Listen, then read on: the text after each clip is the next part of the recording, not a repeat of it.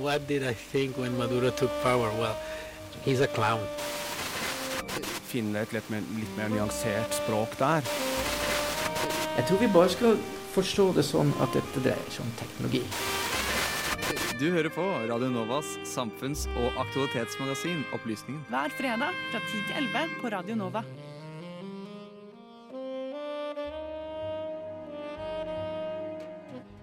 Riktig. Du hører på Opplysningen her på Radio Nova. Vi skal ta et uh, stort skritt fra den gamle Sovjetunionen til Etiopia. Uh, Etiopia er jo et av Afrikas mest uh, folkerike land. Men det er kanskje ikke det som Det er jo ikke det som er i nyhetene. I Etiopia er det en borgerkrig. En pågående humanitær krise av ganske store dimensjoner. Uh, leser her en overskrift i uh, BBC. Ethiopia civil war, why fighting has resumed in Tigray and Amhara. Det er da altså snakk om uh, utbryterregioner i nordvest av landet, der det er en, en pågående borgerkrig mellom de sentrale myndighetene og regionale militser, rett og slett. Emma, har du har du noe kjennskap til denne konflikten annet enn at det er i, på forsiden, i nyhetsbildet? Hva, hva, vet du egentlig? Um, det jeg har hørt så vidt, på en måte, eh, etter å ja, ha sett det, er at det er større enn Ukraina. Eh, ganske, uten å overdrive i det hele tatt. Men annet enn det, så bak det Det er vel en ganske Det har foregått ganske lenge. Det er mye som ligger bak. Eh, ganske komplisert. Eh, så ja. Nei, ikke Nemlig. så mye mer enn det. For Etiopia er jo også et uh, land Vi kan da informere våre lyttere om at Etiopia har en lang og trøblete historie med nettopp fenomenet borgerkrig. Det er da ikke første gang det er borgerkrig eh, i, eh, i, dette landet. Du snakket om eh, at i, i, i, skala at det er mm. altså, flere pårørende enn i den pågående krigen i Ukraina. Det er også riktig. Mm. du skal få høre mer om den humanitære krisen i Tigray-området her på Opplysningen. The humanitarian crisis in Tigray is more than Ukraine, without any exaggeration. Disse sterke ordene ble uttalt av WHOs generaldirektør Tedros Adhanom Ghebreyesus for to uker siden, i august 2022. Men hva er det egentlig som skjer nord i Etiopia? For å gi deg en grunnleggende forståelse av konflikten, må vi nesten 50 år tilbake i tid. I delstaten Tigray nord i Etiopia ble TPLF eller Tigray People's Liberation Front, dannet i 1975. TPLF stiftet sammen med tre andre frigjøringsgrupper Ethiopian People's Revolutionary Democratic Front, forkortet til EPRDF. I denne sammensetningen var TPLF den mektigste og største gruppen. Sammen med EPRDF kjempet TPLF en langvarig krig mot Derg-regimet. Derg var en prosovjetisk kommunistisk militærgruppe som tok makten i Etiopia i 1974. I de årene Derg-regimet styrte Etiopia, så økte antallet som lærte seg å skrive og lese. Men landet var òg plaget av sult, økonomisk nedgangstid og politisk undertrykkelse.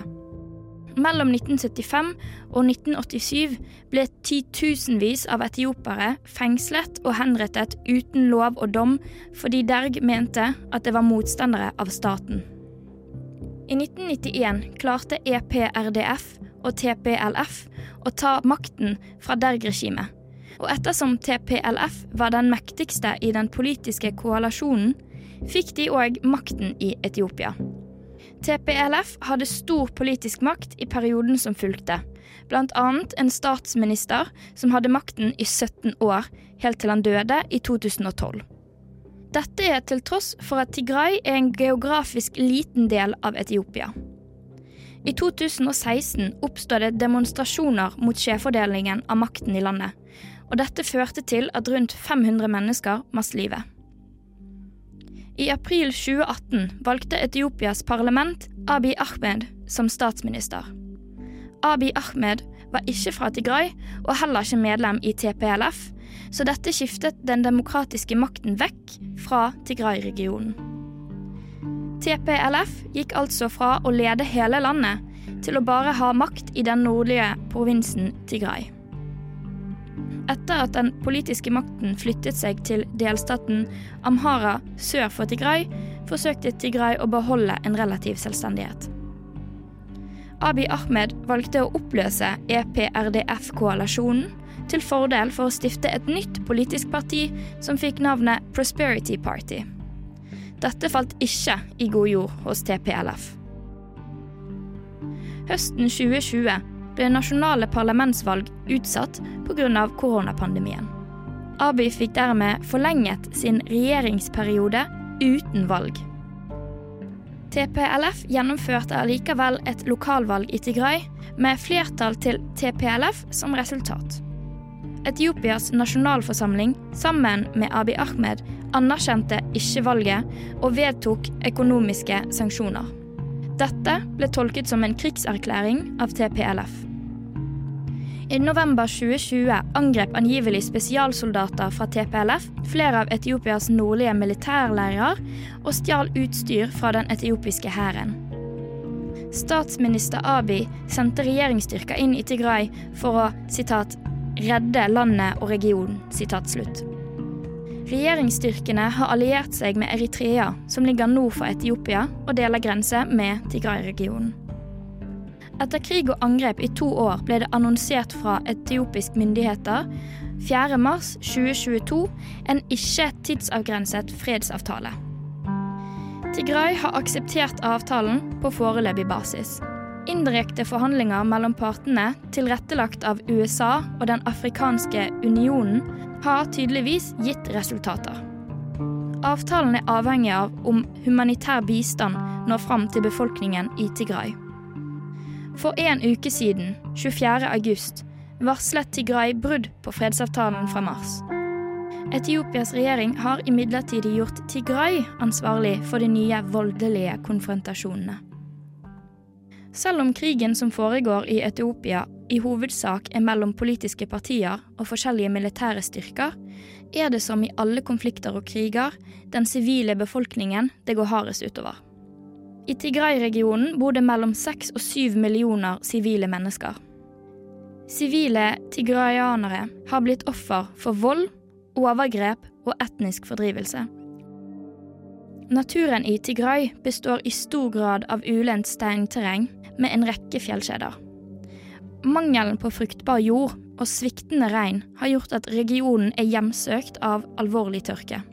Befolkningen har med tanke på denne tørken og isolasjon fra omverdenen som følge av krigen, et stort behov for nødhjelp. Men nødhjelpen sliter med å komme fram, da grensene inn i Tigray er stengt. Det forekommer òg angrep på lastebilene med nødprovianter. Partene de skylder på hverandre når det kommer til hvem som står bak disse angrepene. Og ikke bare er det mangel på mat, vann, medisiner og bensin. Og internett, strøm og telefondekning er koblet av. Dette gjør det vanskelig å få kontakt med lokalbefolkningen, og det er ikke sikkert at vi vet det totale omfanget av den humanitære krisen. Banksystemet i Tigray er òg satt ut av spill, noe som gjør det vanskelig for folket å kjøpe det de trenger. Det er rapportert om at flere kvinner må ty til sexarbeid for å få nok penger til å overleve. FN har slått alarm om økende fare for sultkatastrofe. Amnesty International har varslet om tilfeller hvor det er foregått forbrytelser mot menneskerettighetene. WHOs generaldirektør Theodros Adhanom Ghebreyesus, som selv er fra Tigray, har kalt dette en menneskeskapt katastrofe, og den verste katastrofen som nå foregår på jorden. Jeg lar hans ord avslutte denne saken. The humanitarian crisis in Tigray is more than Ukraine, without any exaggeration. And I said it many months ago. Maybe the reason is the color of the skin of the people in Tigray. I haven't heard in the last five few months, several months now, even a head of state talking about the Tigray condition anywhere, in the developed world especially. Why? I think we know. The only thing we're asking is can the world come back to its senses and uphold humanity? If it's the worst humanitarian crisis, and I'm saying nowhere on earth six million people are sealed off, nowhere. From basic services, from their own money, from telecom, from food, from medicine. This is the worst disaster on earth as we speak. I am from, from Tigray. It's not because from I am from Tigray that I'm saying this. That's the truth. Og reporter i denne saken, det var eh, Lise Marie Skogheim Benus, og det var hentet lyd fra The Guardian.